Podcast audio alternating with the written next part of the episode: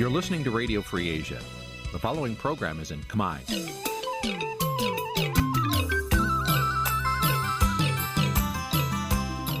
នេះជាកម្មវិធីផ្សាយ Vuthu Azizi Serai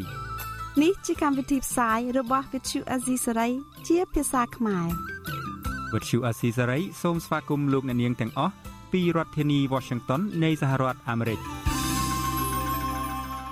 បាទផ្សាយផ្ទាល់ពីរដ្ឋធានី Washington ខ្ញុំបាទជួនច័ន្ទបុតស៊ូមជម្រាបសួរលោកអ្នកនាងកញ្ញាជាទីមេត្រី បាទសួស្តីឆ្នាំថ្មីបាទយើងខ្ញុំសូមជូនកម្មវិធីផ្សាយសម្រាប់រាត្រីថ្ងៃអង្គារ12កើតខែបោះឆ្នាំខាលចត្វាស័កពុទ្ធសករាជ2566ត្រូវនៅថ្ងៃទី3ខែមករាគ្រិស្តសករាជ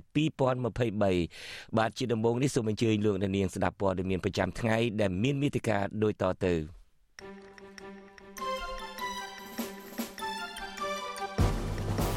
មន្ត្រីបកប្រឆាំងថារឿងអាស្រូវលួចមានស្រីរបស់ត្រកូលហ៊ុនដូចនឹងស្លឹកឈើជ្រុះមិនឆ្ងាយពីគល់សង្គមស៊ីវិលប្រារព្ធខួប9ឆ្នាំនៃការបង្ក្រាបកម្មករដែលសុំតវ៉ាដំឡើងប្រាក់ឈ្នួលនៅផ្លូវវែងស្រេង។ ក្រសួងទទួលស្គាល់ថាមានករណីស្លាប់ក្នុងមណ្ឌលសង្គមគិច្ចព្រៃសវេទិកាអ្នកស្ដាប់វិទ្យុអេស៊ីសរ៉ៃនារាត្រីនេះនឹងជជែកគ្នាអំពីព្រឹត្តិការណ៍សំខាន់ៗសម្រាប់ឆ្នាំ2023នេះរួមនឹងព័ត៌មានមួយចំនួនទៀត។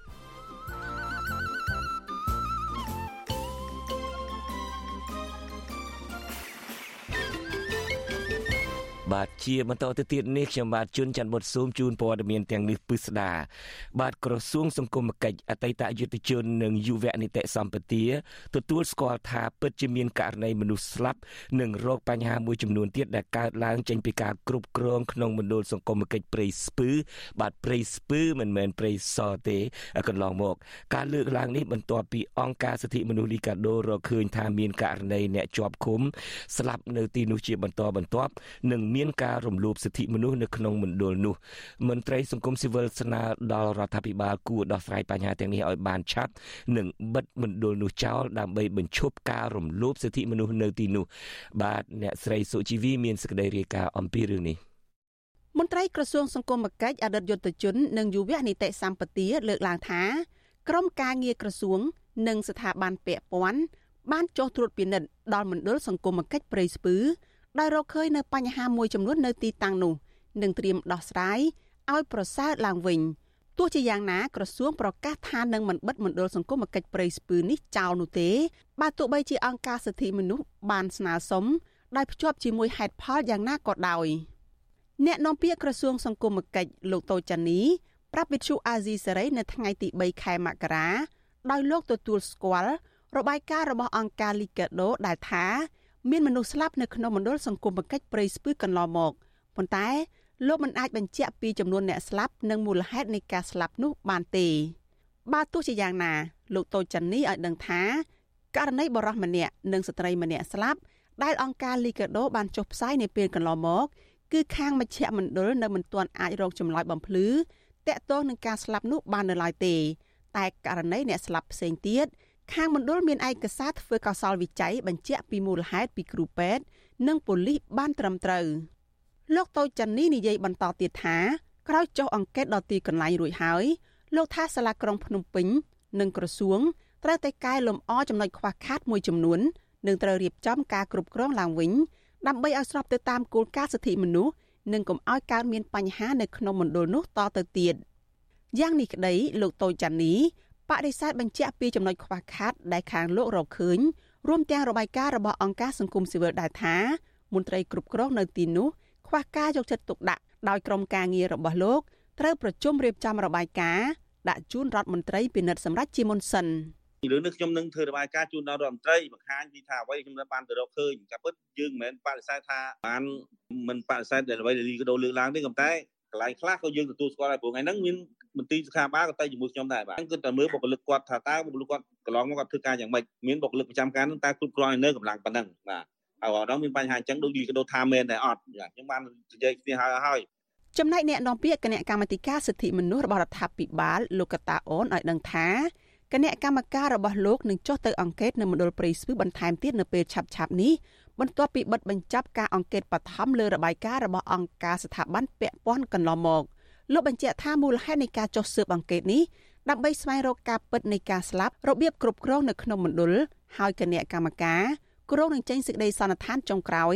ដើម្បីផ្ដល់មតិយោបល់ជូនក្រសួងសង្គមគិច្ច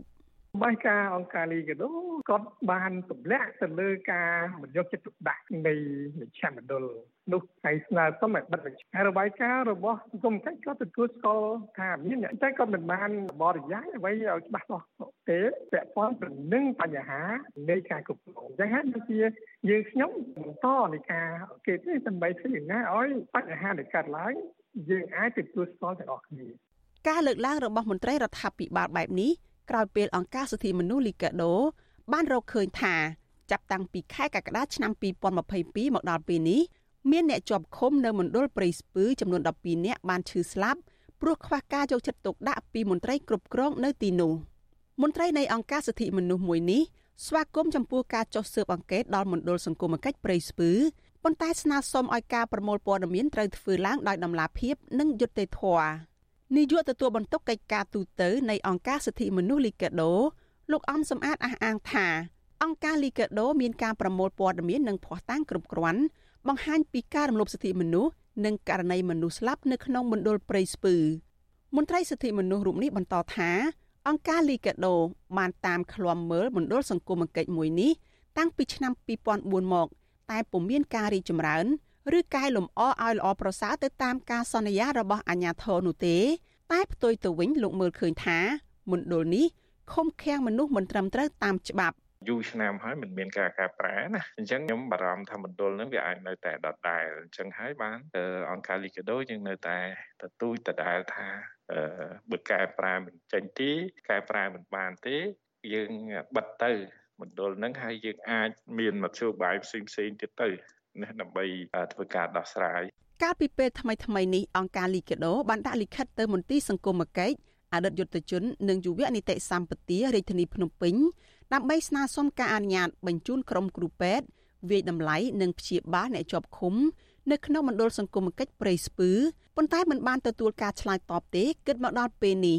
កាលពីថ្ងៃទី7ខែធ្នូអង្គការលីកាដូ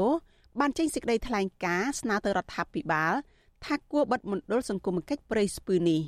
មណ្ឌលសង្គមគិច្ចព្រៃស្ពឺដែលស្ថិតនៅក្នុងការគ្រប់គ្រងរបស់រដ្ឋមានទីតាំងនៅសង្កាត់ចោមចៅខណ្ឌពោធិ៍សែនជ័យរាជធានីភ្នំពេញជាកន្លែងដែលអាជ្ញាធរអះអាងថាសម្រាប់អប់រំកែប្រែ និងបណ្ដុះបណ្ដាលវិជ្ជាជីវៈដល់មនុស្សចាស់និងកុមារនៅតាមចិញ្ចើមផ្លូវអ្នកគ្មានទីជម្រក អ្នកប្រើប្រាស់គ្រឿងញៀនស្ត្រីរកស៊ីផ្លូវភេទនិងជនវិកលចរិតជាដើម បន្ទាប់ពីអាជ្ញាធរបានចាប់បញ្ជូនទៅទីនោះ។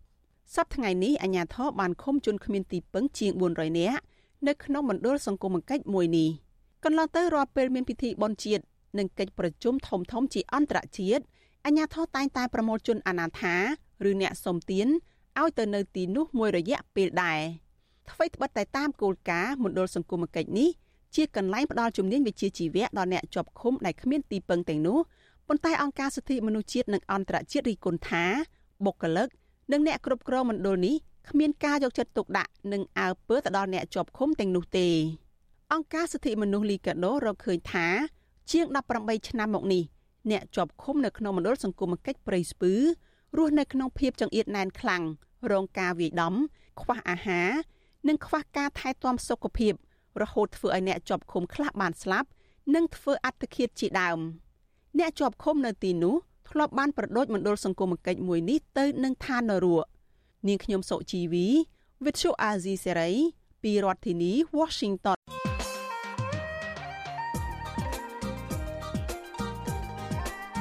បាទលោកអ្នកនាងកញ្ញាជាទីមេត្រីឈានចូលដល់ឆ្នាំ2023នេះភ្លាម រដូវត្រជាក់ធ្លាក់ទឹកកកនៅសហរដ្ឋអាមេរិកនេះបានធ្វើឲ្យខ្ញុំបាទរៀងស្អាបំពង់កបន្តិច សង្ឃឹមថាលោកអ្នកនាងមិនប្រកាន់ចាប់ទោសអូដំណើរអ្វីទេខ្ញុំបាទនឹងព្យាយាមរៀបចំការផ្សាយជាពិសេសបន្តិចទៀតនេះខ្ញុំបាទនឹងសម្របសម្រួលនីតិវេទិកាអ្នកស្ដាប់មួយដែលមានវាគ្មិនចូលរួមពីររូបគឺលោកបណ្ឌិតសេងសេរីចូលរួមពីប្រទេសអូស្ត្រាលី ហើយនិងលោកកឹមសុខចូលរួមមកពីប្រទេសហ្វាំងឡង់បាទដោយលោកនាងបានជ្រាបហើយយើងឈានចូលដល់ឆ្នាំ2023ដោយនាំមកជាមួយនៅព្រឹត្តិការណ៍គួរឲ្យរន្ធត់មួយចំនួន នោះគឺការឆេះកាស៊ីណូនៅប៉ោយប៉ែតដែលធ្វើឲ្យមនុស្សហើយមួយចំនួន ប្រមាណរាប់សិបនាក់ស្លាប់និងរងរបួសក្រៅពីនោះយើងក៏នឹងយើងបានទទួលព័ត៌មានចុងក្រោយមួយពីប្រទេសចិនថាជំងឺ Covid-19 ក៏ហាក់ដូចជាផ្ទុះសារជាថ្មីឡើងវិញយ៉ាងគំហុកនៅប្រទេសចិនយើងឈានចូលដល់ឆ្នាំថ្មីមួយ ក្នុងគ្រាដែលការបែងចែកក្រមអ្នកកាន់អំណាច និងក្រមប្រជាពលរដ្ឋកាន់តែរីកធំឡើងធំឡើង បាទការលៀបពណ៌ ការជះសម្អប់ពីក្រុមមួយទៅក្រុមមួយ ពីបកមួយទៅបកមួយ កាន់តែមានស្ថានភាពធ្ងន់ធ្ងរទៅនៅប្រទេសកម្ពុជា យើងឈានចូលដល់ឆ្នាំ2023ក្នុងគ្រាដែលលោកនាយករដ្ឋមន្ត្រីហ៊ុនសែនហាក់ដូចជាប្រញាប់ប្រញាល់ជ្រួលច្របល់រិះរកគ្រប់វិធីដើម្បីផ្ទេរអំតំណែងនាយករដ្ឋមន្ត្រីផ្ទេរតំណែងកាន់កាប់ប្រទេសជាតិនេះទៅឲ្យកូនប្រុសរបស់លោកឲ្យខាងទៅបានតើឆ្នាំ2023នេះ ស្ថានភាពនៅប្រទេសកម្ពុជាបានធូរស្រាលជាងឆ្នាំមុនមុនដែរឬទេតើក្នុងឆ្នាំ2023នេះលោកនាយករដ្ឋមន្ត្រីហ៊ុនសែន អាចសម្រេចបាននូវគោលបំណងផ្ទេរអំណាចរបស់លោក ទៅឲ្យកូនប្រុសរបស់លោកបានដែរឬយ៉ាងណា បាទយើងនឹងពិភាក្សាអំពីបញ្ហានេះនាពេលបន្តិចទៀតនេះនៅក្នុងនីតិវិទ្យាអ្នកស្ដាប់វិទ្យុអាស៊ីសេរី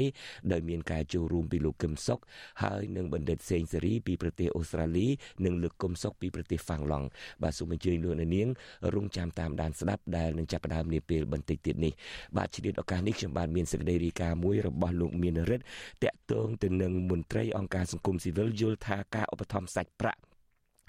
របស់ក្រមអង្គការដើម្បីផលិតខ្សែភាពយន្តអំពីជីវប្រវត្តិរបស់លោកហ៊ុនសែនមិនមែនធ្វើឡើងដោយចិត្តនោះទេតែគឺជាការបបរិ តែ គឺជាការបរិច្ចាគមួយ ដើម្បីទទួលបានមកវិញនៅការការពារឬអត្ថប្រយោជន៍បន្ថែមទៅលើមុខរបររកស៊ីរបស់ពួកគេ ប្រតិកម្មនេះធ្វើឡើងក្រោយពីក្រមអង្គការនិងមន្ត្រីរដ្ឋាភិបាលមួយចំនួនបានចេញឧបត្ថម្ភសាច់ប្រាក់សរុបជិត3លានដុល្លារសហរដ្ឋអាមេរិកជួយលោកហ៊ុនសែនដែលអ្នកសង្កេតការយល់ឃើញថាជាកត្តាជំរុញឲ្យមានអំពើពុករលួយកាន់តែខ្លាំងនៅក្នុងប្រទេសកម្ពុជា បាទលោកមានរិទ្ធមានសេចក្តីរាយការណ៍អំពីរឿងនេះ ក្រមមន្ត្រីអង្គការសង្គមស៊ីវិលលើកឡើងថាការឧបត្ថម្ភសាច់ប្រាក់ដើម្បីផលិតខ្សែភាពយន្តភាគអំពីខ្សែជីវិតរបស់លោកហ៊ុនសែនធ្វើឡើងដោយការបង្ខំចិត្តដើម្បីអត្ថប្រយោជន៍បុគ្គលប្រធានសមាគមសម្ព័ន្ធនិស្សិតបញ្ញវន្តខ្មែរលោកកើតសរាយយល់ឃើញថាការបរិច្ចាគសាច់ប្រាក់ដើម្បីផលិតខ្សែភាពយន្តអំពីប្រវត្តិនៃការតស៊ូរបស់លោកនាយរដ្ឋមន្ត្រីបែបនេះធ្វើឡើងដើម្បីទទួលបានភាពជិតស្និទ្ធជាមួយនឹងលោកហ៊ុនសែន និងអត្ថប្រយោជន៍អាជីវកម្មផ្ទាល់ខ្លួន ជាជាងធ្វើឡើងដោយចេញពីចិត្តស្មោះលោកបានថែមថាលោកហ៊ុនសែនគឺជាបុគ្គលមានអំណាចគ្រប់យ៉ាង នៅក្នុងការអាកាត់លើការផ្ដាល់ដីសម្បត្តិលុបបឹងបួរឬលុបទន្លេដូច្នេះហើយទើបក្រុមអង្គការទាំងនោះបង្ខំចិត្តបរិច្ចាគប្រាក់ផលិតភាពយន្តជីវប្រវត្តិរបស់លោកនាយករដ្ឋមន្ត្រី អាហ្នឹងគឺវាជាលក្ខណៈអញជួយឯងឯងជួយអញនឹងឯងយើងតែងតែមើលឃើញថាក្រុមហ៊ុនឬអង្គការទាំងអស់ហ្នឹងតែងតែមានសិទ្ធិធំបានដីវិនិយោគហើយថ្មីថ្មីនេះទៀតយើងឃើញហើយតកតងនឹងឧស្សាហជាតិគិរីរំហ្នឹងក៏រដ្ឋាភិបាលសាមប្រទានធ្វើឲ្យក្រុមហ៊ុនឯកជននៅក្នុងការវិនិយោគទៀតនេះយើងមើលឃើញថាវាហាក់ដូចជាទម្លាប់មួយដែលអង្គការអ្នកវិនិយោគទាំងអស់នឹងកាលណាដែលជួយទៅកាន់ភាគីរដ្ឋាភិបាលច្រើន រដ្ឋាភិបាលក៏នឹងសាមប្រទាននៅចំណុចមួយចំនួនហើយផ្ដល់ភាពងាយស្រួលនៅក្នុងការសហការទៀតអានេះជាចំណុចមួយដែលយើងមើលឃើញថាវាអត់មានតលយៈភាពឬក៏សមភាពនៃការធ្វើជំនួញបញ្ជីសប្បុរសជនឧបត្ថម្ភប្រាក់ដើម្បីផលិតភាពយន្តភាគរឿងកូនប្រុសក្រោមពន្លឺព្រះច័ន្ទពេញបូរមីកាលពីថ្ងៃទី31ខែធ្នូឆ្នាំ2022ដែលមានចុះហត្ថលេខាអ្នករៀបចំដោយមេបញ្ជាការកងអង្គរៈលោកហ៊ុនសានគឺលោកហ៊ីងប៊ុនហៀង បង្ហាញឈ្មោះបុគ្គលចំនួន23រូបដែលភ ieck ច្រើនសិតសឹងតែជាអង្គញាពួកគេបានបរិច្ចាគទឹកប្រាក់ចាប់ពី50000ដុល្លាររហូតដល់600,000ដុល្លារអាមេរិកក្នុងនោះទឹកប្រាក់សរុបមានចំនួនជិត3លានដុល្លារអាមេរិកក្រុមអង្គការទាំងនោះមានដូចជាលោកកិនម៉េងផ្ដល់ប្រាក់600,000ដុល្លារលោកលីយ៉ុងផាត់500,000ដុល្លារនិងលោកលេនវត្រាឧបត្ថម្ភ50,000ដុល្លារ ក្រៅពីនោះក៏មានក្រុមហ៊ុនជីបម៉ុងឧបត្ថម្ភជាស្រាបៀរ5000កេសស្មើនឹងប្រាក់300,000ដុល្លាររួមនឹងអង្គការមួយចំនួនទៀតឆ្លើយតបនឹងការលើកឡើងនេះមេបញ្ជាការនៃបញ្ជាការដ្ឋានកងអង្គរៈលោកហ៊ុនសានគឺលោកហ៊ីងប៊ុនហៀងប្រាប់វិសុយស៊ីស្រីថាការផលិតខ្សែភាពយន្តភាគនេះឆ្លុះបញ្ចាំងពីការពិតអំពីប្រវត្តិតស៊ូរបស់លោកហ៊ុនសាន ដើម្បីជួយសង្គ្រោះប្រទេសកម្ពុជាពីរបបបល្ល័ង្កពូជសាសន៍ទោះជាយ៉ាងណាលោកហ៊ីងប៊ុនហៀង បដិសេធមិនឆ្លើយតបទៅនឹងការឧបត្ថម្ភសាច់ប្រាក់ដើម្បីផលិតភាពយន្តវីដេអូនេះឡើយដោយលោកជំរុញឲ្យ Visual C ស្រីសាកសួរអ្នកគ្រប់គ្រងកម្មវិធីទូរទស្សន៍បាយ័នវិញរឿងប្រវត្តិតស៊ូប្រវត្តិពិតនៅក្នុងរបបបល័យពិសាសប៉ុលពតមកនេះវាវាសារៈសំខាន់ណាស់ដែរបងគាត់ថាទីប្រឹក្សាបងគាត់ថាជួយការងារអូនឯងថតទៅបងអត់ដឹងថារឿងរឿងអត់ដឹងតែទៅបាយ័នអូន បណ្ដាញឃោសនារបស់លោកហ៊ុនសាន បញ្ជាក់ថាការផលិតខ្សែភាពយន្តជីវប្រវត្តិរបស់លោកហ៊ុនសាននេះចំណាយថវិកាអស់ច្រើនជាងគេនៅក្នុងប្រវត្តិសាស្ត្រភាពយន្តរបស់កម្ពុជាក្រុមអ្នកវិភាគការអភិវឌ្ឍសង្គមធ្លាប់លើកឡើងថាការផលិតភាពយន្តរឿងកូនប្រុសក្រោមពន្លឺព្រះច័ន្ទពេញបូរមី គឺមានគោលបំណងដើម្បីលើកកម្ពស់ប្រជាប្រិយភាពរបស់លោកនាយរដ្ឋមន្ត្រីដើម្បីទទួលបានការគ្រប់គ្រងក្នុងការបោះឆ្នោតជាតិឆ្នាំ2023និងមិនបានឆ្លោះបញ្ចាំងពីការពិតនៃប្រវត្តិសាស្ត្រគ្រប់ជ្រុងជ្រោយនោះឡើយវិសុវអសីស្រីមិនអាចតាក់ទងแนะនាំពាក្យរដ្ឋាភិបាលលោកផៃស៊ីផានដើម្បីបកស្រាយជុំវិញរឿងនេះបាននៅឡើយទេនៅថ្ងៃទី1ខែមករា ក្រៅពីក្រុមអាជ្ញាបញ្ជីសប្បុរសជនឧបត្ថម្ភប្រាក់ដើម្បីផលិតខ្សែភាពយន្តកូនប្រុសក្រំពន្លឺព្រះច័ន្ទពេញបូរមីក៏បានបង្ហាញឈ្មោះមន្ត្រីរដ្ឋាភិបាលមួយចំនួន ដែលបានបរិច្ចាគប្រាក់ផងដែរក្នុងនោះរួមមានដូចជាលោកសាយសំអាល់លោកខួងស្រេង លោកកើតរិទ្ធនិងលោកសុនចន្ទថុលជាដើមការបរិច្ចាគប្រាក់ខ្ទង់រាប់ម៉ឺនដុល្លារពីសំណាក់មន្ត្រីរដ្ឋាភិបាលដូចនេះ ត្រូវបានគេសង្ស័យថាមានភាពមិនប្រក្រតីឬជាប់ពាក់ព័ន្ធជាមួយនឹងអំពើពុករលួយព្រោះប្រាក់ខែរបស់មន្ត្រីរដ្ឋាភិបាលទាំងនោះមិនដល់2000ដុល្លារផងក្នុងមួយខែមួយខែជុំវិញរឿងនេះប្រធានសហភាពសហជីពកម្ពុជា លោករងឈុនយល់ឃើញថាការបរិច្ចាគសាច់ប្រាក់របស់ក្រុមអង្គការទាំងនេះធ្វើឡើងដើម្បីទទួលបានសិទ្ធិអភិវឌ្ឍលុបបង្បួរទន្លេឬដីសាធារណៈ ឬដើម្បីការពារដំណើរការអាជីវកម្មរបស់ក្រុមហ៊ុនពួកគេតែប៉ុណ្ណោះដែលនាំឲ្យខាតបង់ដល់ចំណូលជាតិលោកបានថែមថាការបរិច្ចាគទឹកប្រាក់ទាំងនេះក៏អាចធ្វើឲ្យក្រុមអ្នកប្រកបអាជីវកម្មដោយសុចរិតមិនអាចប្រកួតប្រជែងជាមួយក្រុមអង្គការទាំងនោះបានផងដែរ ការដែលប្រកួតរកស៊ីដោយស្មោះត្រង់នៅកម្ពុជា វានឹងពិបាកប្រកួតប្រជែងជាមួយឈ្មោះទុច្ចរិតដែរពីព្រោះឈ្មោះទុច្ចរិតគេចាយលុយគេសេះសួរជាមួយអ្នកមានអំណាចអ្នកមានមុខមានមាត់ដូចជាជួយនាយករដ្ឋមន្ត្រីអីហ្នឹងអាហ្នឹងសិតតែទទួលបានមកវិញហើយมันអត់ទេអ្នកវិភាគដើម្បីការអភិវឌ្ឍសង្គមធ្លាប់លើកឡើងថាដោយសារតែលោកនាយករដ្ឋមន្ត្រីតែងតែទទួលយកការបរិច្ចាគប្រាក់យ៉ាងដូចនេះ ការនេះធ្វើឲ្យរដ្ឋាភិបាលមិនហ៊ានមានចំណាត់ការផ្លូវច្បាប់លើក្រុមហ៊ុនរកស៊ីមិនស្របច្បាប់នោះឡើយករណីក្រុមហ៊ុន Casino NagaWorld គឺជាការឆ្លុះបញ្ចាំងជាក់ស្ដែងព្រោះដោយសារតែថៅកែក្រុមហ៊ុន Casino នេះបានឧបត្ថម្ភប្រាក់ជួយគណៈបកប្រជាជនកម្ពុជានឹងទិញវ៉ាក់សាំង COVID-19 កន្លងមករាប់លានដុល្លារ ជាលទ្ធផលរដ្ឋាភិបាលមិនបានជំរុញឲ្យថៅកែកាស៊ីណូ Naga World គោរពច្បាប់ស្តីពីការងារនិងដោះស្រាយចំនួនការងារជាមួយកម្មករបាននោះទេ តែបែរជាធ្វើទុកបុកម្នេញគ្រប់រូបភាពទៅលើក្រុមបុគ្គលិកកាស៊ីណូ Naga World ទៅវិញមន្ត្រីអង្គការសង្គមស៊ីវិល យល់ឃើញថាការបរិច្ចាគទឹកប្រាក់សន្ធឹកសន្ធាប់ដើម្បីផលិតខ្សែភាពយន្តខណៈប្រជាពលរដ្ឋខ្មែរជាច្រើនអ្នកកំពុងមានជីវភាពក្រីក្ររត់ទៅធ្វើការនៅប្រទេសជិតខាងដោយខុសច្បាប់រាប់លានអ្នកដើម្បីសងបំណុលធនាគារគឺជារឿងមិនសមហេតុផលនោះឡើយមន្ត្រីទាំងនោះលើកឡើងថាដើម្បីបង្ហាញពីសន្តានចិត្តសប្បុរសធម៌ជួយសង្គមពិតប្រាកដ ក្រុមអង្គការទាំងនោះគួរតែបរិច្ចាគសាច់ប្រាក់ផ្ដល់អាហារូបករណ៍ដល់សិស្សនិស្សិតឧបត្ថម្ភដល់មន្ទីរពេទ្យគុណធបុប្ផាដែលកំពុងខ្វះខាតឬជួយជនរងគ្រោះទើបជាការប្រសើរខ្ញុំបាទមេរិត Visual C ស្រីរាយការណ៍ពីរដ្ឋធានី Washington បាទលោកនាងកញ្ញាជាទីមេត្រីឆ្នាំ2023ចូលមកដល់ហើយ បាទមានរឿងរ៉ាវកើតឡើងច្រើនណាស់កាលពីឆ្នាំ2022ដូចជាការចាប់ចងធ្វើទុកបុកម្នេញដល់អ្នកដែលហ៊ានលះបង់សេរីភាព និងសេចក្តីសុខផ្ទាល់ខ្លួនដើម្បីឲ្យកម្ពុជាមានយុត្តិធម៌សង្គមនិងមានសេរីភាពជាដើម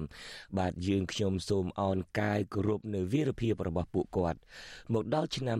2023នេះ ការបែកបាក់ក្នុងសង្គមការបែងចែកក្រុមនិងការជះសម្អប់រវាងខ្មែរនិងខ្មែរកាន់តែមានស្ថានភាពធ្ងន់ធ្ងរទៅធ្ងន់ធ្ងរទៅនៅប្រទេសកម្ពុជាដ៏កំសត់របស់យើង បាទសូម្បីតែជាអ្នកផ្ដល់ព័ត៌មានដោយរូបខ្ញុំបាទក្តីក៏តែងតែរងនៅការចោទប្រកាន់ការបង្កាច់បង្ខូចការជេរប្រមាថជាប្រចាំក្រៅពីនោះមានការកាត់តរូបថតខ្ញុំបាទព្រមទាំងសមាជិកក្រុមគ្រួសារយកទៅប្រមាថមាក់ងាយនិងប្រើភាសាអសុរោះគ្រប់ប្រភេទតែទោះជាយ៉ាងណាក៏ដោយខ្ញុំនៅតែប្រកាន់ជំហរមឹងម៉ាត់មិនងាករេពីគោលការណ៍និងក្រមសីលធម៌របស់អាស៊ីសេរីនោះគឺការបន្តផ្ដល់ព័ត៌មានពិតនិងមានប្រយោជន៍ដល់លោកអ្នកនាងកញ្ញាដើម្បីចូលរួមចំណែកជំរុញកម្ពុជាឲ្យក្លាយជាប្រទេសមានការគោរពច្បាប់គោរពសិទ្ធិមនុស្ស មានយុត្តិធម៌សង្គមនិងមានការរីកចម្រើន ត្រឹមត្រូវសម្រាប់ពលរដ្ឋគ្រប់រូបនៅក្នុងឆ្នាំ2023នេះរូបខ្ញុំនិងក្រុមការងារទាំងអស់នៃ Vithu Azizi Serai នឹងនៅតែបន្តនឹងពង្រីកការស្វែងរក និងផ្តល់ព័ត៌មានពិតតាមគ្រប់រូបភាពតាមដែលយើងអាចធ្វើទៅបាន ទោះជាមានការរៀបរៀងការគំរាមការជេរប្រមាថការលៀបពណ៌គ្រប់សពបែបយ៉ាងយ៉ាងណាក៏ដោយធ្វើយ៉ាងណាគឺដើម្បីឲ្យលោកអ្នកនាងបានព័ត៌មានពិតគ្រប់ជ្រុងជ្រោយយើងនឹងបន្តជជែកដេញដោលសួរសំណួរចំចំទៅកាន់អ្នកនយោបាយអ្នកកាន់អំណាច ដើម្បីឲ្យទទួលខុសត្រូវលើសកម្មភាពរបស់ពួកគេចំពោះប្រទេសជាតិនិងប្រជាពលរដ្ឋនៅពេលដែលយើងសរសេរព័ត៌មាន និងសេចក្តីរាយការណ៍នានាប្រកាសណាស់យើងចង់ឲ្យមានអ្នកស្ដាប់ច្រើនច្រើន តែនោះក៏មិនមែនជាវត្ថុបំណងតែមួយគត់របស់យើងដែរគោលបំណងសំខាន់ជាងគេបំផុតគឺយើងសរសេរព័ត៌មានដើម្បីប្រាប់ការពិតសរសេរព័ត៌មានដើម្បីលាតត្រដាងការភូតកុហកបោកប្រាស់ពីសំណាក់អ្នកមានអំណាចដែលអាចធ្វើឲ្យខូចប្រយោជន៍ប្រជាជាតិនិងប្រជាពលរដ្ឋយើងផ្សាយព័ត៌មានដែលចាំបាច់និងមានប្រយោជន៍សម្រាប់ប្រជាពលរដ្ឋខ្មែរគ្រប់មជ្ឈដ្ឋាន បាទជាថ្មីម្ដងទៀតខ្ញុំបាទរួមនឹងសហការីនៃវិទ្យុអាស៊ីសេរីសូមអរគុណលោកអ្នកនាងកញ្ញាទាំងនៅក្នុងប្រទេសកម្ពុជា និងប្រជាពលរដ្ឋខ្មែរដែលរស់នៅគ្រប់ប្រទេសទាំងអស់ក្នុងពិភពលោក ដែលតែងតែចូលមកស្ដាប់និងទស្សនាការផ្សាយរបស់វិទ្យុអាស៊ីសេរីជារៀងរាល់ថ្ងៃខ្ញុំបាទសូមអរគុណចំពោះការជឿទុកចិត្តនិងការគាំទ្ររបស់លោកអ្នកនាង ចំពោះការផ្សាយរបស់យើងខ្ញុំ ក្នុងឆ្នាំ2023នេះយើងនឹងកែលម្អការផ្សាយរបស់យើងបន្ថែមទៀតហើយខ្ញុំបាទមានទំនុកទុកចិត្តថាទំនាក់ទំនងរវាងវិទ្យុអាស៊ីសេរីជាមួយនឹងលោកអ្នកនាងកាន់តែរីកចម្រើនដុះដាលនិងមានភាពជិតស្និទ្ធជាបន្ថែមទៀតក្នុងឆ្នាំ2023នេះបាទសូមលោកអ្នកនាងកញ្ញាទទួលបាននូវសុខសន្តិភាពយុត្តិធម៌សុខភាពល្អសុភមង្គលនិងភាពចម្រុងចម្រើនក្នុងឆ្នាំថ្មីនេះនិងឆ្នាំខាងមុខខាងមុខទៀតបាទសូមអរគុណ thank you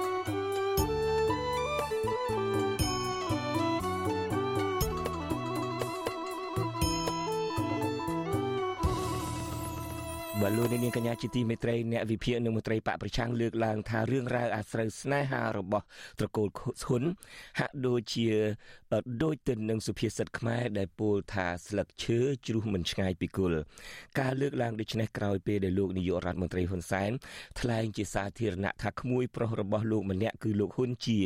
លួចលាក់មានទំនាក់ទំនងស្នេហាជាមួយស្ត្រីម្នាក់ទាំងពេលដែលលោកហ៊ុនជាមិនទាន់លែងលះនៅឡើយលោកទៀមទីឲ្យស្ត្រីម្នាក់នោះដោះខ្លួនចេញពីលោកហ៊ុនជាបាទលោកយ៉ងច័ន្ទតារានឹងមានសេចក្តីរាយការណ៍អំពីរឿងនេះជូនលោកអ្នកនាងនៅក្នុងការផ្សាយរបស់យើងនាពេលព្រឹកនេះចាប់ពីម៉ោង5:30នាទីរហូតដល់ម៉ោង6:30នាទី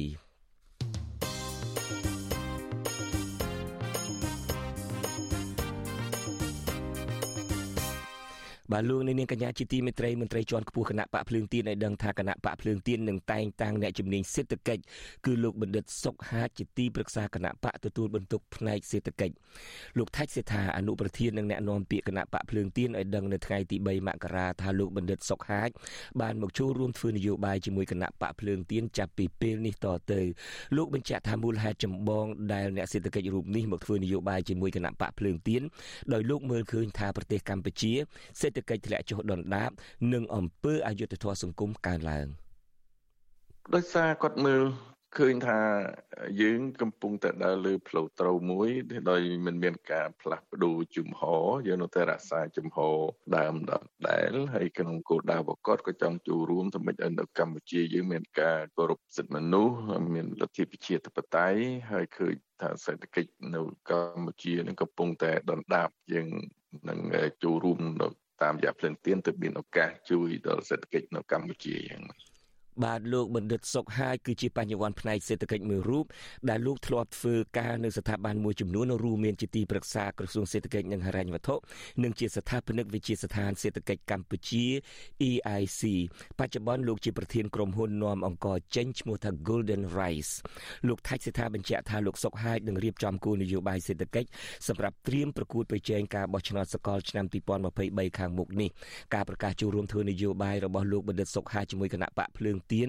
នៅក្រៅពេលដែលអ្នកជំនាញសេដ្ឋកិច្ចលោកបណ្ឌិតយ៉ងសង្គមាស្ថាបនិកគណៈបកប្រជាធិបតេយ្យមូលដ្ឋានបានទៅចុះចូលជាមួយគណៈបកប្រជាជនកម្ពុជា បាទលោកអ្នកនាងទើបតែបានស្ដាប់ព័ត៌មានប្រចាំថ្ងៃដែលជម្រាបជូននៅខ្ញុំបាទជួនច័ន្ទបុតសូមអញ្ជើញលោកអ្នកនាងរងចាំតាមដាននិងចូលរួមក្នុងនីតិវិទ្យាអ្នកស្ដាប់វិទ្យុអាស៊ីដែលនឹងចាប់ផ្ដើមនាពេលបន្តិចទៀតនេះ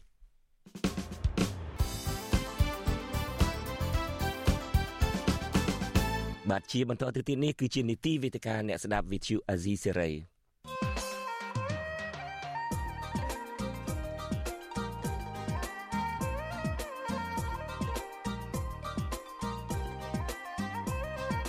វេទិកាអ្នកស្ដាប់ VTV អាស៊ីសេរី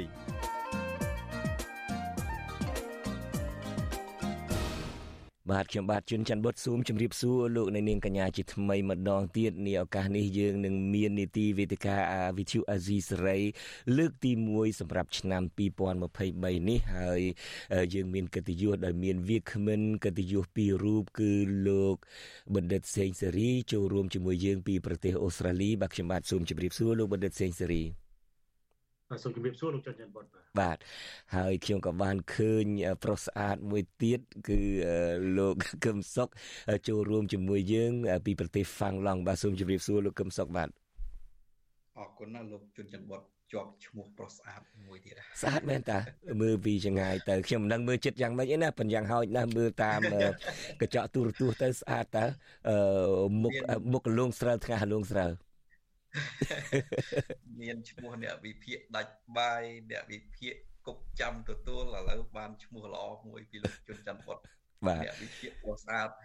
បាទជំរាបសួរបាទជំរាបសួរលោកបណ្ឌិតសីស្រីបាទបាទទាំងអស់គ្នាដូចជាមិនផ្លាស់ប្ដូរអីសោះឆ្នាំថ្មីនេះមានតែខ្ញុំឯងលួចផ្លាស់ប្ដូរជាងលោកទាំងពីរលោកសេកបណ្ឌិតបង្អាប់ខ្ញុំថាសំលេងឥឡូវដូចសំលេងហួឡាវី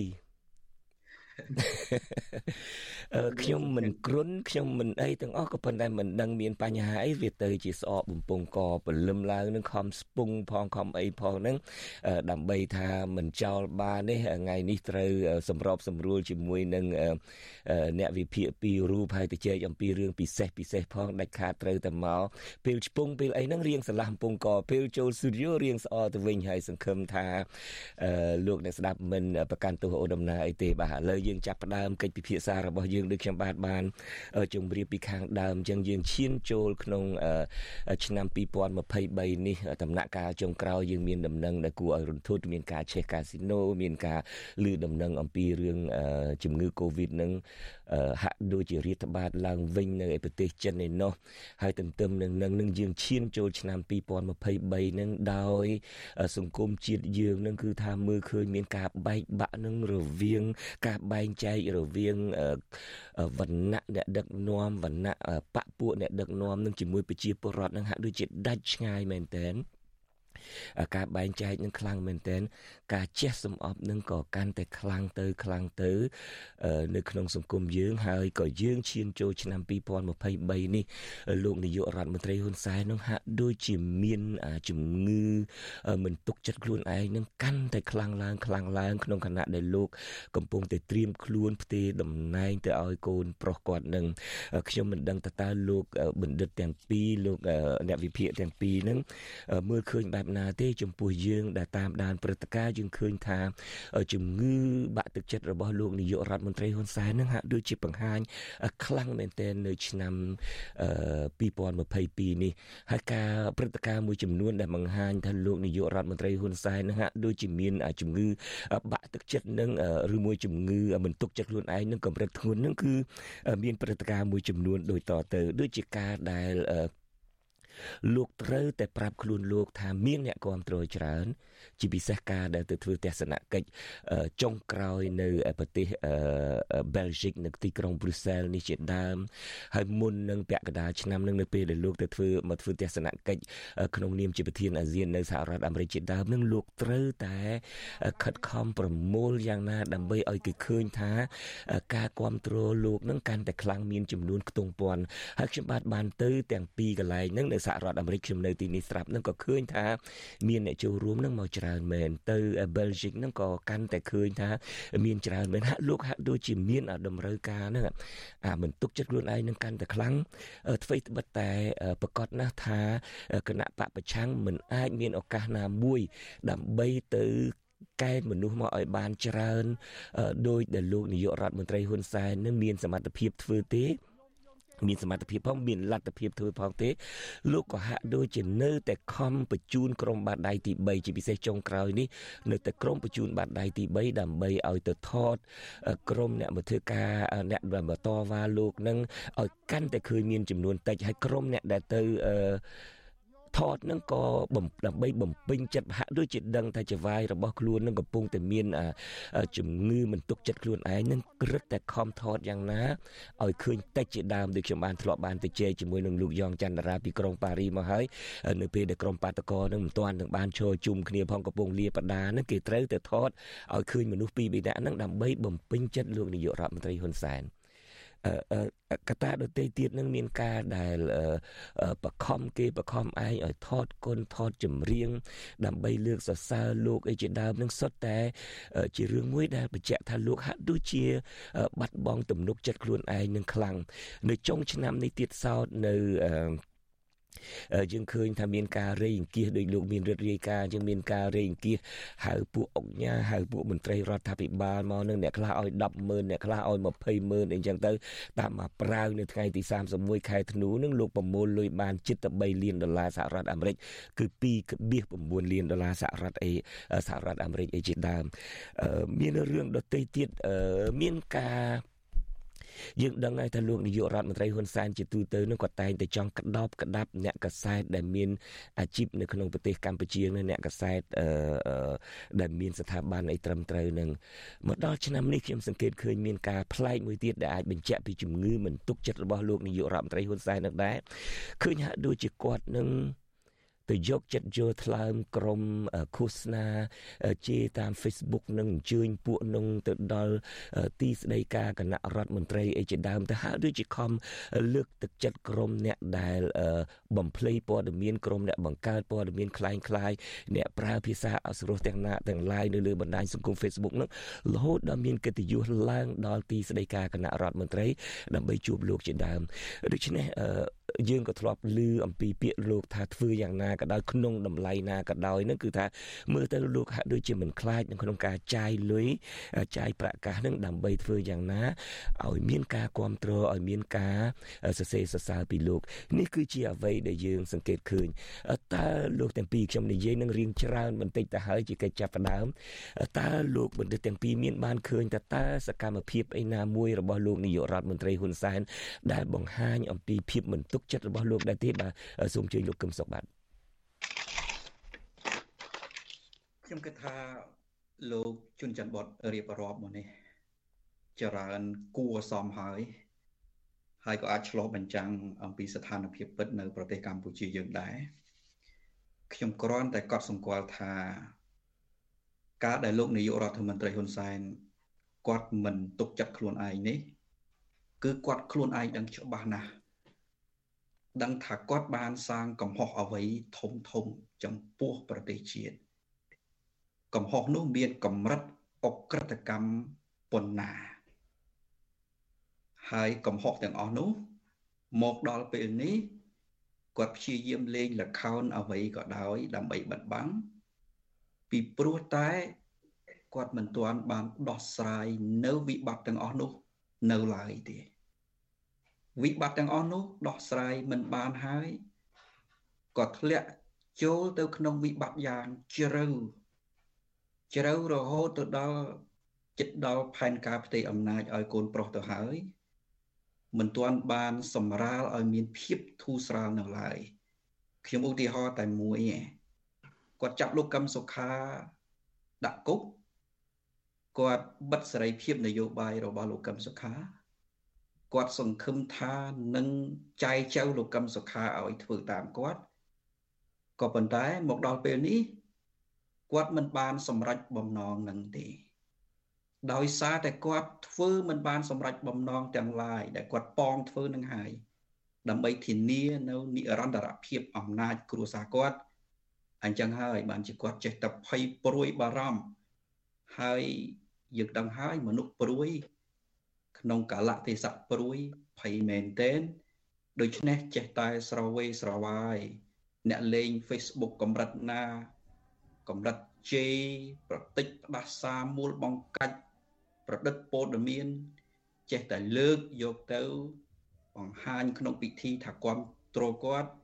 ដើម្បីគាត់យកទៅផ្សាយថា មានអ្នកគ្រប់គ្រងច្រើនបិទបាំងនៅកំហុសរបស់គាត់ផងហើយក៏បាត់បាំង នៅការភ័យខ្លាចរបស់គាត់ ដែលដោះស្រាយវិបត្តិកាន់តែជ្រៅនោះមិនបានផង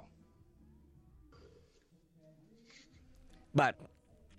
អរគុណលោកកឹមសុខតើលោកបណ្ឌិតសេងសេរីលោកមើលឃើញបែបណាដែរតើក្នុងរយៈពេលឆ្នាំ2022កន្លងទៅនេះលោកនាយករដ្ឋមន្ត្រីហ៊ុនសែននឹងបានប្រព្រឹត្តអ្វីខ្លះដែលល្អបានបង្ហាញសកម្មភាពអ្វីខ្លះដែលអាចប៉ះពាល់ដល់ឆ្នាំ2023នេះបាទ បាទសូមអនុញ្ញាតជម្រាបសួរលោកជុនច័ន្ទបុតលោកកឹមសុខហើយនិងបងប្អូនអ្នកស្ដាប់អាស៊ីសេរីសម្រាប់ខ្ញុំខ្ញុំឃើញចំណុចចំនួនដែលខ្ញុំសង្កេតហើយនឹងព្រឹត្តិការណ៍ដែលកើតឡើងនៅក្នុងឆ្នាំ2022ក្នុងនោះគឺចំណុចសំខាន់ដែលយើងមិនអាចមើលរំលងនោះគឺការធ្វើវិសោធនកម្មច្បាប់ដើម្បីសម្រួចនៅក្នុងការផ្ទេរអំណាចបាទ ចឹងហើយនេះវាជាចំណុចសំខាន់មួយហើយដូចជាក្នុងឆ្នាំ2022នោះយើងឃើញថា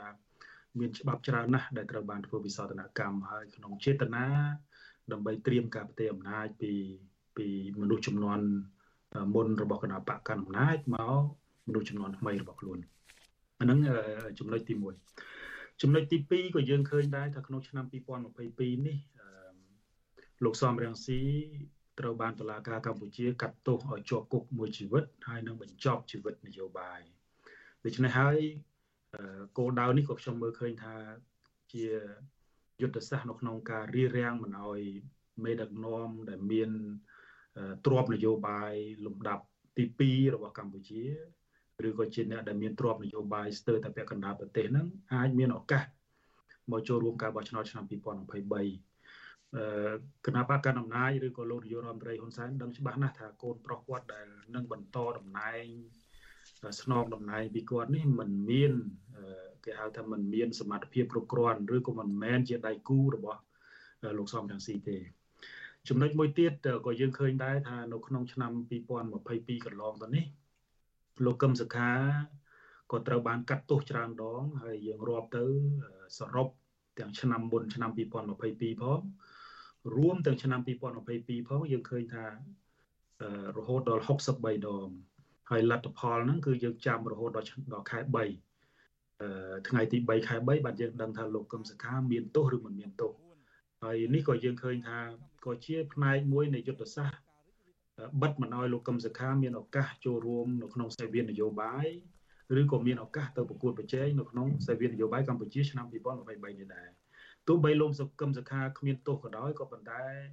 ពេលវេលាវាគៀកណាស់ទៅហើយនៅក្នុងការផ្ដល់ឱកាសឲ្យលោកកឹមសុខាមាន ពេលគ្រប់គ្រាន់នៅក្នុងការរៀបចំបេក្ខភាពតំណាងរាស្ត្ររបស់ខ្លួនក្នុងការចូលរួមការប្រកួតប្រជែងចំណុចមួយទៀតគណៈបព្វជិជន បានបង្ហាញច្បាស់ណាស់ថាអ្នកណាជាអ្នកបន្តវេនគឺនៅក្នុងឆ្នាំ2022 គណៈកម្មការសមាជិកគណៈកម្មការកណ្ដាលគណៈបព្វជិជននឹងបានបោះឆ្នោតជ្រើសរើសបេក្ខភាពនាយករដ្ឋមន្ត្រីនឹងគឺត្រូវជាកូនប្រុសបង្កើតកូនច្បងរបស់លោកនាយករដ្ឋមន្ត្រីតែម្ដងដូច្នេះទាំងអស់នេះសិតតែជាការត្រៀមវែកផ្លូវដើម្បីការផ្ទេរអំណាចបើយើងសង្កេតមើលទៅលើគណៈបកប្រឆាំងវិញឬក៏យើងហៅថាអ្នកតស៊ូនៅក្នុងសេវានប្រជាធិបតេយ្យវិញយើងឃើញថា មួយរយៈចុងក្រោយនេះក៏មានបញ្ហាច្រើនដែរជាពិសេសការឆ្លោះគ្នានៅលើបណ្ដាញសង្គមដែលធ្វើឲ្យពលរដ្ឋអ្នកគ្រប់គ្រងមួយចំនួនហ្នឹងហាក់ដូចជាអន់ចិត្តអស់សង្ឃឹមហើយអ្វីដែលសំខាន់ហ្នឹងគឺអឺបើសម្រាប់ខ្ញុំខ្ញុំមើលឃើញថាឆ្នាំងបាយរបស់គណៈបកប្រឆាំងហ្នឹងហាក់ដូចជាត្រូវបានគេព្យាយាមនៅក្នុងការបំបែក ហើយអ្វីដែលសំខាន់នៅក្នុងឆ្នាំ2023យើងឃើញថានៅក្នុងឆ្នាំ2022អ្នកប្រឆាំងអ្នកគ្រប់គ្រងគណៈបកប្រឆាំងនៅអាមេរិកហ្នឹងហាក់ដូចជាមានការប្រទាំងប្រទើគ្នាច្រើនប៉ុន្តែអ្វីដែលខ្ញុំបារម្ភហ្នឹងគឺឆ្នាំ2023នេះប្រទេសអូស្ត្រាលីគឺជាគោលដៅទី2បន្ទាប់ពីសហរដ្ឋអាមេរិកសម្រាប់សម្រាប់ការបំបែកចំណុចមួយចំនួនពីរទៀតដែលខ្ញុំក៏ចង់អនុញ្ញាតលើកឡើងដែរគឺស្ថានភាពសិទ្ធិមនុស្សប្រជាធិបតេយ្យអឺ ដែលដែលមហាអំណាចឬក៏អង្គការអន្តរជាតិផ្សេងផ្សេងបានលើកឡើងហ្នឹងគឺត្រូវបានរដ្ឋាភិបាលកម្ពុជាហ្នឹងមិនចាត់ទុកជាចំណុចអតិភិបសម្រាប់ដោះស្រាយទេហើយបញ្ហាសង្គមអយុត្តិធម៌វិសមភាពសង្គមកើតឡើងក៏ត្រូវបានរដ្ឋាភិបាលហ្នឹងកលាប់ឲ្យទៅជាបញ្ហានយោបាយហើយចាត់ទុកថាជាចលនាបដិវត្តពណ៌ជាដើម ដែលធ្វើឲ្យបញ្ហាហ្នឹងកាន់តែរីកធំពិបាកក្នុងការដោះស្រាយចំណុចមួយទៀតតកតងទៅនឹងបញ្ហាមូលដ្ឋានតបចិននៅកម្ពុជាហ្នឹងក៏ជាសំណួរដែលគ្មានចម្លើយពីរដ្ឋាភិបាលដែរសូម្បីតែបញ្ហានេះត្រូវបានលើកឡើងដោយលោក Joe Biden ប្រធានាធិបតីសហរដ្ឋអាមេរិកក្នុងអំឡុងការប្រជុំឆ្នាំការប្រជុំកំពូលអាស៊ានក៏ដោយចំណុចចុងក្រោយដែលខ្ញុំចង់លើកឡើងដែរនេះគឺ កម្ពុជារដ្ឋាភិបាលកម្ពុជាគណៈបកអំណាចបានប្រើប្រាស់ឱកាសនៃការប្រជុំអាស៊ានកំពុងប្រជុំកំពូលអាស៊ានឆ្នាំ2023នេះជាឱកាសនៅក្នុងការបង្ហាញអំពីគេហៅថាធម្មមានរូបបើយើងនិយាយឲ្យសាមញ្ញទៅថាការបង្ហាញភាពស្របច្បាប់នៃរដ្ឋាភិបាលអាណត្តិទី6ដែលបើដែលកើតឡើងចេញពីការបោះឆ្នោតឆ្នាំ2018ហើយជាការបោះឆ្នោតដែលអវត្តមានគណៈបកប្រឆាំងធំជាងគេនៅកម្ពុជា ចឹងហើយរយៈពេល4ឆ្នាំពី2018មកដល់2022រដ្ឋាភិបាលកម្ពុជានឹងក៏ត្រូវបានទទួលការរិះគន់អំពីធម្មនុញ្ញធម្មានរូបឬក៏ភាពស្របច្បាប់របស់រដ្ឋាភិបាលដែរប៉ុន្តែឱកាសចុងក្រោយឆ្នាំ2022រដ្ឋាភិបាលធ្វើបានល្អគឺឆ្លៀតឱកាសបង្ហាញអំពីភាពស្របច្បាប់របស់រដ្ឋាភិបាលខ្លួននៅក្នុងនៅអំឡុងពេលដែលមេដឹកនាំពិភពលោកហ្នឹងមកដល់មកដល់ប្រទេសកម្ពុជាអានេះជាព្រឹត្តិការណ៍សំខាន់សំខាន់ ដែលកើតឡើងឆ្នាំ2022ហើយអ្វីដែលខ្ញុំសង្កេតឃើញហ្នឹងគឺព្រឹត្តិការណ៍ដែលកើតឡើងដើម្បីសម្រួចការផ្ទេរអំណាចហ្នឹងគឺជាព្រឹត្តិការណ៍ដែលយើងចាប់អារម្មណ៍ជាងគេនៅក្នុងឆ្នាំ2022បាទ អរគុណលោកបណ្ឌិតសេងសេរីឥឡូវនេះដើម្បីកុំឲ្យខាតពេលយូរពីព្រោះកម្មវិធីរបស់យើង ចាប់ពីឆ្នាំដើមឆ្នាំនេះតទៅ យើងនឹងបញ្ចប់ត្រឹមម៉ោង8:30នាទីគត់យើងនឹងបន្តយើងនឹងមិនបន្តទៅទៀតទេដើម្បីយើងឆ្លៀតឱកាសនៃការមិនបន្តនេះដើម្បីទៅផលិតជាព័ត៌មានខ្លីៗខ្សែវីដេអូខ្លីៗវិញដើម្បីបង្ហោះឲ្យបានទាន់សភាពការជាងមុន ដូច្នេះដើម្បីកុំឲ្យខាតពេលយើងបានភ្ជាប់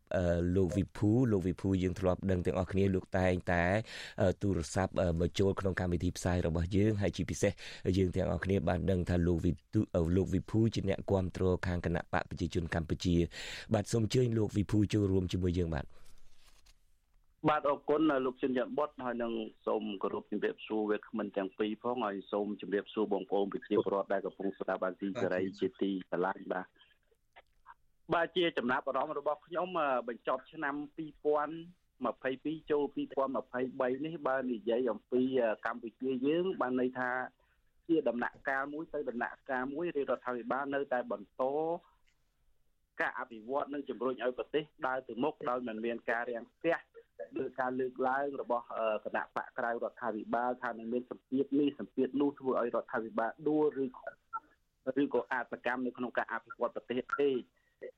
ហើយជាចំណាប់អារម្មណ៍បន្តិចទៀតនេះខ្ញុំគ្រាន់តែចង់និយាយថាសូមឲ្យគណៈបកនយោបាយទាំងគណៈបកប្រឆាំងក៏ដោយធ្វើនយោបាយឲ្យស្គាល់តម្លៃច្បាប់ជាតិបានយើងអាចរួមរស់ប្រកួតប្រជែងជាមួយគណៈបកដឹកនាំប្រទេសបាន នេះជាចំណុចសំខាន់ណាស់កាលណាយើងមិនផ្ដល់តម្លៃឲ្យច្បាប់ទេច្បាប់តែងតែចងជើងយើងជាប់រហូតហ្នឹងហើយមិនស្គាល់តម្លៃច្បាប់ហើយជាសំណួររបស់ខ្ញុំខ្ញុំសូមសួរទៅលោកកឹមសុខថាតើសង្គមកម្ពុជានៅពេលបច្ចុប្បន្ននេះតើលោកនឹងបន្តវាយប្រហារមកលើថ្នាក់ដឹកនាំរាជរដ្ឋាភិបាលយ៉ាងម៉េចទៀតបាទរដ្ឋាភិបាលនៅតែដឹកនាំប្រទេសបានហើយសំណួរទី2សូមជូនទៅលោកបណ្ឌិតសេងសេរីថាតើ រាជរដ្ឋាភិបាលគួរតែធ្វើកំណែតម្រង់យ៉ាងម៉េចទើបត្រូវចិត្តអ្នកដែលមិនគ្រប់គ្រងគណៈបកប្រជាជនកម្ពុជាចំពោះការដឹកនាំប្រទេស បាទបាទមានសំណួរប៉ុណ្ណឹងបាទអរគុណលោកវិភូបាទមុននឹងបកគលសំណួរទៅលោកកឹមសុខហើយនិងលោកបណ្ឌិតសេងសេរីខ្ញុំបាទចាប់អារម្មណ៍ពាក្យបណ្ដាំរបស់លោកវិភូទៅអ្នកធ្វើនយោបាយពីក្រមប្រឆាំងថា ធ្វើនយោបាយឲ្យស្គាល់ពីច្បាប់ជាតិនោះតាមពិតនៅប្រទេសកម្ពុជាយើងអ្នកណាក៏ដឹងដែរថាប្រមុខដឹកនាំរដ្ឋាភិបាល គឺតែងតែបង្កើតច្បាប់ រហូតដល់លោកកឹមសុខដែលបានមកដល់ប្រទេសក្រៅនេះលោកហៅថាប្រទេសដែលមាននីតិមាត់គឺចេញពីមាត់ទេមិនមែនជា ច្បាប់ដែលសម្រាប់យកទៅអនុវត្តដើម្បីផលប្រយោជន៍ប្រទេសជាតិទេគឺច្បាប់បង្កើតឡើង សម្រាប់តែការពារផលប្រយោជន៍អ្នកដឹកនាំហើយបើចង់ធ្វើកអ្នកណាឬមួយភាសាសាមញ្ញទៅចង់ធ្វើស៊ីអ្នកណានឹងគាត់ក៏បង្កើតច្បាប់នឹងភ្លាមតែអញ្ចឹងទៅដូច្នេះនេះជាការឆ្លើយតបចំពោះបណ្ដាំរបស់របស់លោកវិភូដូច្នេះសូមអញ្ជើញលោកកឹមសុខសំណួររបស់លោកវិភូទៅកាន់លោកលោកវិភូទៀមទាឲ្យស្គាល់អំពីច្បាប់ជាតិខ្ញុំនិយាយដោយខ្លីមួយទៅចោះច្បាប់តាក់ទងទៅនឹងគណៈបកនយោបាយនិងការបោះឆ្នោតឥឡូវនេះមានច្បាប់ឲ្យគេសំសិទ្ធធ្វើនយោបាយច្បាប់នេះមែនទែនទៅ គឺជាការ បំពេញសិទ្ធិរបស់ប្រជាពលរដ្ឋណាឥឡូវថាមានច្បាប់ហ្នឹងក៏មានទៅចុះហើយគេសុំសិទ្ធធ្វើនយោបាយខ្ញុំក៏ជូនយោបល់ថាគ្រប់គ្នាសុំសិទ្ធក៏សុំទៅចុះប៉ុន្តែតាមរដ្ឋធម្មនុញ្ញតម្រូវការនៃការបោះឆ្នោត គឺសេរី ត្រឹមត្រូវនិងយុត្តិធម៌ដូច្នេះតើការទៀមទារបស់គណៈបកនយោបាយនានាគូប្រជែងនានា ដែលគេចង់ឲ្យមានសេរីត្រឹមត្រូវនិងយុត្តិធម៌នោះមិនមែនស្របទៅនឹងច្បាប់ជាតិទេឬគួរតែគិតពិចារណាឡើងវិញណាចំណុចទី2លោកវិភូថាការអភិវឌ្ឍរបស់ប្រទេសជាតិក្រោមការដឹកនាំរបស់លោកហ៊ុនសែនបច្ចុប្បន្ននេះមិនរាំងស្ទះទេហើយខ្ញុំនេះរិះគន់អ្វីទៀត ខ្ញុំសូមបញ្ជាក់ថាខ្ញុំមិនរិះគន់ឲ្យរាំងស្ទះការអភិវឌ្ឍទេប៉ុន្តែរិះគន់ដើម្បីវិច្ចផ្លូវឲ្យចម្រើនទៅដល់ប្រទេសជាតិខ្ញុំមើលឃើញថាការអភិវឌ្ឍមិនមែនមិនរាំងស្ទះទេរាំងស្ទះខ្លាំងណាស់ពីព្រោះមូលដ្ឋានអភិវឌ្ឍសង្គមមួយ ប្រទេសជាតិមួយ សំខាន់បំផុត គឺការមិនបែកបាក់សង្គម ចំណុចចាប់ផ្ដើមដែលធំជាងគេណាមេដឹកនាំជាតិមួយបើជាមេដឹកនាំត្រឹមត្រូវគេខ្លាចណាស់ការបែកបាក់សង្គមជាតិដូច្នេះគេធ្វើអ្វីអ្វីគេលះបង់គ្រប់បែបយ៉ាងមិនឲ្យខុសច្បាប់ទេ ដើម្បីជៀសវាងការបែកបាក់សង្គមហ្នឹងគ្រាន់តែចំណុចនេះមួយណាគឺធ្វើឲ្យរាំងស្ទះខ្លាំងណាស់ទី2ចេញពីការរាំងស្ទះទី1នេះ ធ្វើឲ្យមានសម្ពាធពីសហគមន៍អន្តរជាតិសម្ពាធពីសហគមន៍អន្តរជាតិនឹងហើយដែលខ្ទប់ដង្ហើមសេដ្ឋកិច្ចជាតិកម្ពុជារបស់យើងយើងដឹងហើយតើក្រោមការដឹកនាំរបស់លោកហ៊ុនសែនអ្នកណាក៏ដឹងដែរឥឡូវហ្នឹងនោះ GSP ប្រព័ន្ធអនុគ្រោះពន្ធរបស់អាមេរិកមិនទាន់ផ្ដល់ឲ្យនោះទេ EBA ប្រព័ន្ធអនុគ្រោះពន្ធរបស់អឺរ៉ុបដែលជួយដល់ចម្រុងចម្រើនសេដ្ឋកិច្ចនៃប្រទេសកម្ពុជា បាត់20% ថែមទាំងព្រមានដកថែមទៀតផង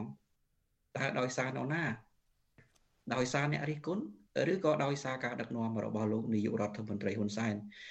ហើយការរាំងស្ទះអស់នឹងហើយ ដែលយើងឃើញលទ្ធផល ចំណាក់ស្រុកកាន់តែច្រើន ហើយមិនមែនចំណាក់ស្រុកស្រួលទេណាប្រថុយខុសច្បាប់រកការងារធ្វើនៅ ប្រទេសថៃវិទ្យុអាស៊ីសេរីខ្ញុំបានស្ដាប់ការផ្សាយច្រើនណាអំពីទុក្ខវេទនារបស់ពួកគាត់ ដែលជាពលករនៅប្រទេសថៃនោះបាត់បង់ការងារកម្មករកម្មការនីនៅប្រទេសកម្ពុជាកាន់តែច្រើនទៅហើយតាមខ្ញុំដឹងណាក្រុមហ៊ុនកាត់ដេរដែលមានថៅកែចិន គឺកាត់បន្ថយម៉ោងការងាររបស់កម្មករកម្មការិនីទៅហើយពីព្រោះបាត់ការកំងទិញកាន់តែច្រើន នៅតែក្រុមហ៊ុន ពីអឺរ៉ុបនិងពីអាមេរិកទេ ដែលអាចរក្សាស្ថិរភាពការងារបានគួរសម នៅក្នុងប្រទេសកម្ពុជាហេតុដូច្នេះខ្ញុំនៅតែរិះគន់ពីព្រោះនេះមិនមែនដើម្បីធ្វើឲ្យរាំងស្ទះការអភិវឌ្ឍជាតិទេតែដើម្បីបើកនៅលំហនៃវិសាលភាពធ្វើឲ្យប្រទេសជាតិយើងមានសក្តានុពលហើយផលប្រយោជន៍បានទៅប្រជាពលរដ្ឋពីព្រោះកាលណាយើងនិយាយអំពីជាតិគឺផលប្រយោជន៍ប្រជាពលរដ្ឋមិនមែនផលប្រយោជន៍របស់មនុស្សមួយក្រុមទេទោះបីមនុស្សមួយក្រុមណាក៏ដោយប៉ុន្តែ ខ្ញុំពិនិត្យឃើញ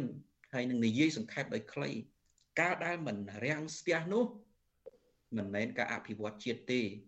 គឺមិនរាំងស្ទះនៅមនោគមវិជ្ជានយោបាយហ៊ុនសែននិយមគឺការជះសំអប់បំបែកបំបាក់ជាតិដើម្បីរក្សាអំណាចផ្ទាល់ខ្លួន ត្រង់ចំណុចនេះខ្ញុំឃើញមិនរាំងស្ទះមែនបាទអរគុណលោកកឹមសុខ សំណួរបន្តមកទៀតគាត់សួរចំទៅលោកបណ្ឌិតសេងសេរីតែម្ដងសូមអញ្ជើញលោកបណ្ឌិតសេងសេរីឆ្លើយតបហើយសង្ឃឹមថា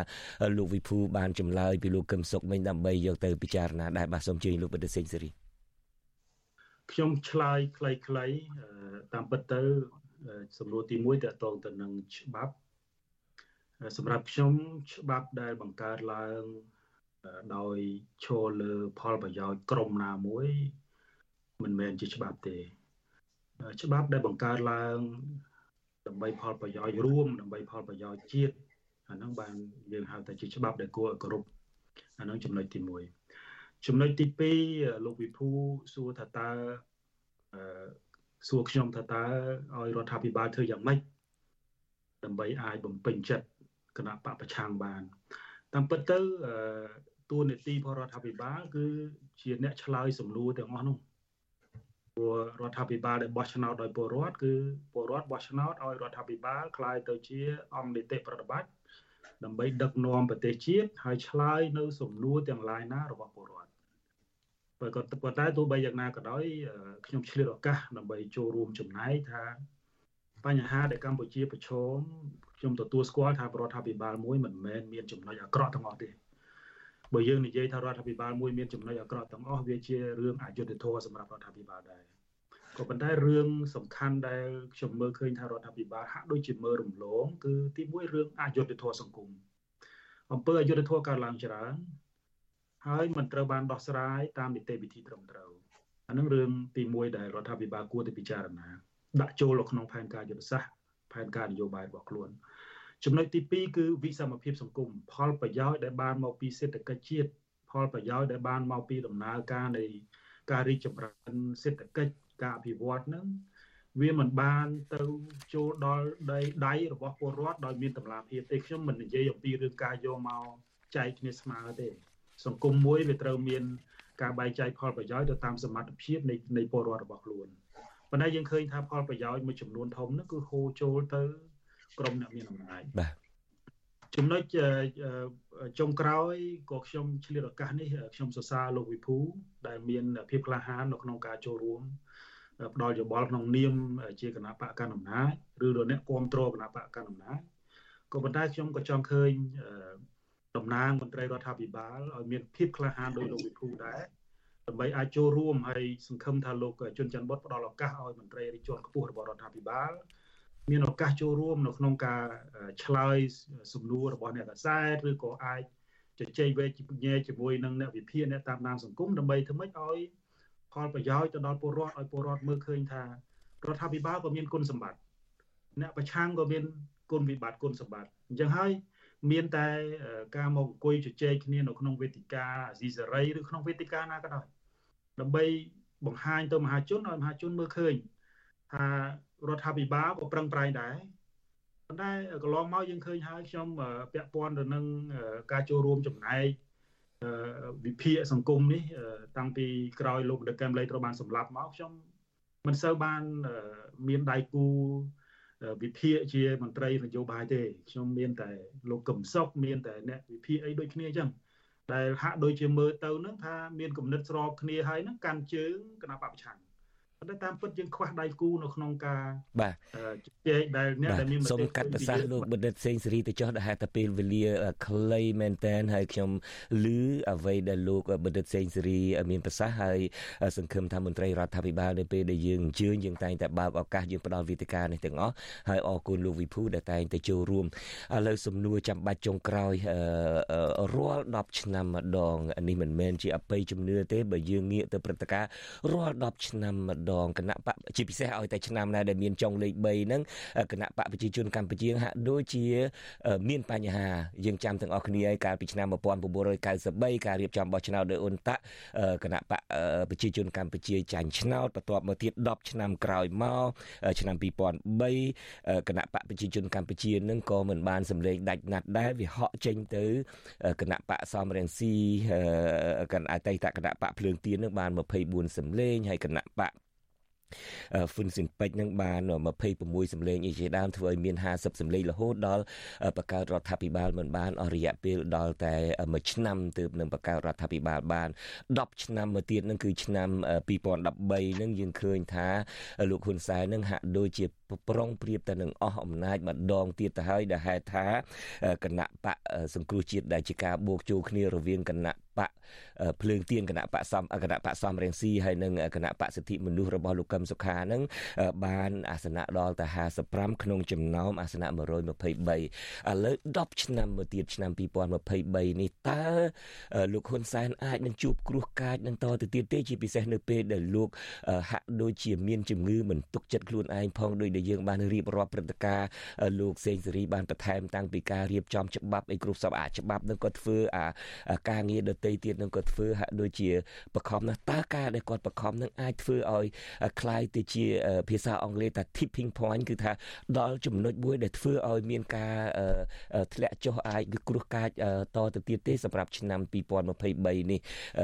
នឹងជាសំណួរសំខាន់មួយហើយសំណួររងបន្ទាប់បន្សំនឹងដែលហេតុតែពេលវេលាតិចតើលោកនាយករដ្ឋមន្ត្រី ហ៊ុនសែនអាចសម្រេចគោលបំណងក្នុងការ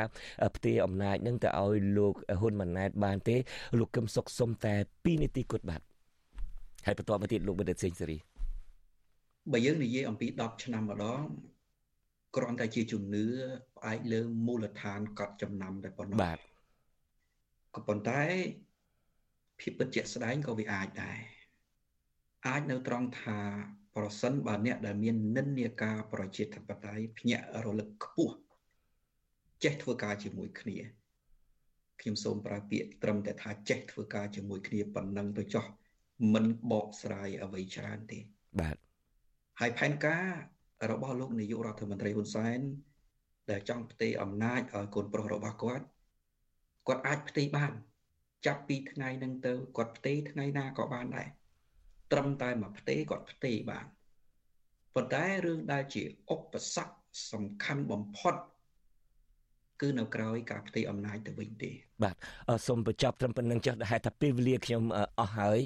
សូមអញ្ជើញលោកបណ្ឌិតសេងសេរីបាទខ្ញុំសម្រាប់ខ្ញុំខ្លីទេខ្ញុំថាឆ្នាំ2023នេះជាឆ្នាំចុងក្រោយតែខ្ញុំមិននិយាយថាគ្រោះកាចឬគ្រោះធំលៀបតូចលៀបធំទេប៉ុន្តែខ្ញុំថាជាឆ្នាំចុងក្រោយ របស់នៃការបញ្ចប់ជីវិតអ្នកនយោបាយដែលសល់ពីសម័យសង្គ្រាមក៏ប៉ុន្តែអំណាចនឹងនឹងធ្លាក់ទៅណាទៅកូនប្រុសរបស់លោកនាយករដ្ឋមន្ត្រីហ៊ុនសែនឬក៏ទៅគណៈបពប្រឆាំងអាហ្នឹងយើងចាំមើលថាតើកម្លាំងនៅក្នុងការប្រកួតប្រជែងប៉ុណ្ណាបើតកតងទៅនឹងរឿងថាតើឆ្នាំ2023នេះមានការផ្ទេរអំណាចបានសម្រេចទេខ្ញុំអត់ទាន់មានសុតិធិនិយមទេខ្ញុំគិតថាឆ្នាំ2023នេះគឺ លោកនាយករដ្ឋមន្ត្រីហ៊ុនសែនមិនអាចផ្ទេរអំណាចទៅដល់កូនប្រុសរបស់គាត់បានទេដោយមូលហេតុមួយចំនួនគឺទី1ខ្លីៗគឺខ្ញុំមើលទៅសុខភាពលោកហ៊ុនសែនជាសុខភាពផ្លូវកាយនៅមានភាពរឹងមាំនៅឡើយហើយលោកនៅលោកនាយករដ្ឋមន្ត្រីនឹងនៅតែមានអំណួតផ្នែកខាងសុខភាពហើយនឹងរហូតដល់ប្រកាសនៅក្នុងការបន្តតំណែង10ឆ្នាំទៅទៀតចំណុចទី2យើងឃើញថា អត់ទាន់មានសញ្ញាណាមួយដែលលោកហ៊ុនម៉ាណែតលាឈប់ចេញពីមេបញ្ជាការកងទ័ពជើងគោកដើម្បីចូលជាតម្រាងរាជនៅក្នុងការ នៅក្នុងការក៏ប៉ុន្តែគេក៏អាចធ្វើបាននៅនីតិចុងក្រោយដែរបាទដូចខ្ញុំបាទបានជម្រាបពេលវេលារបស់យើងចាប់ពីឆ្នាំ2023នេះទៅយើងកំណត់ចប់កម្មវិធីផ្សាយរបស់យើងត្រឹមម៉ោង8:30នាទីអ្វីដែលយើងមិនទាន់អាចទៅជែកបានយើងនឹងជួបគ្នានៅថ្ងៃក្រោយទៀតបាទខ្ញុំបាទសូមអរគុណលោកកឹមសុខហើយនិងសូមអរគុណលោកបណ្ឌិតសេងសេរីដែលចូលរួមជាមួយយើងគ្នាឱកាសនេះបាទសូមជម្រាបលាទៅត្រឹមនេះបាទអរគុណបាទសូមជម្រាបលាបាទ បាទលោកនាងកញ្ញាជាទីមេត្រីចូលមកដល់ត្រឹមនេះកម្មវិធីផ្សាយរបស់ VTV អាស៊ីសេរីក៏ដល់ទីបញ្ចប់ហើយជាថ្មីម្ដងទៀតខ្ញុំបាទសូមអរគុណចំពោះការគ្រប់គ្រងនិងការបន្តគ្រប់គ្រងរបស់លោកនាងកញ្ញាសូមអញ្ជើញគ្រប់គ្រងការផ្សាយរបស់យើងជាបន្តទៅទៀតបាទសូមអរគុណនិងសូមជម្រាបលាទៅត្រឹមនេះរាត្រីសុខស្ដី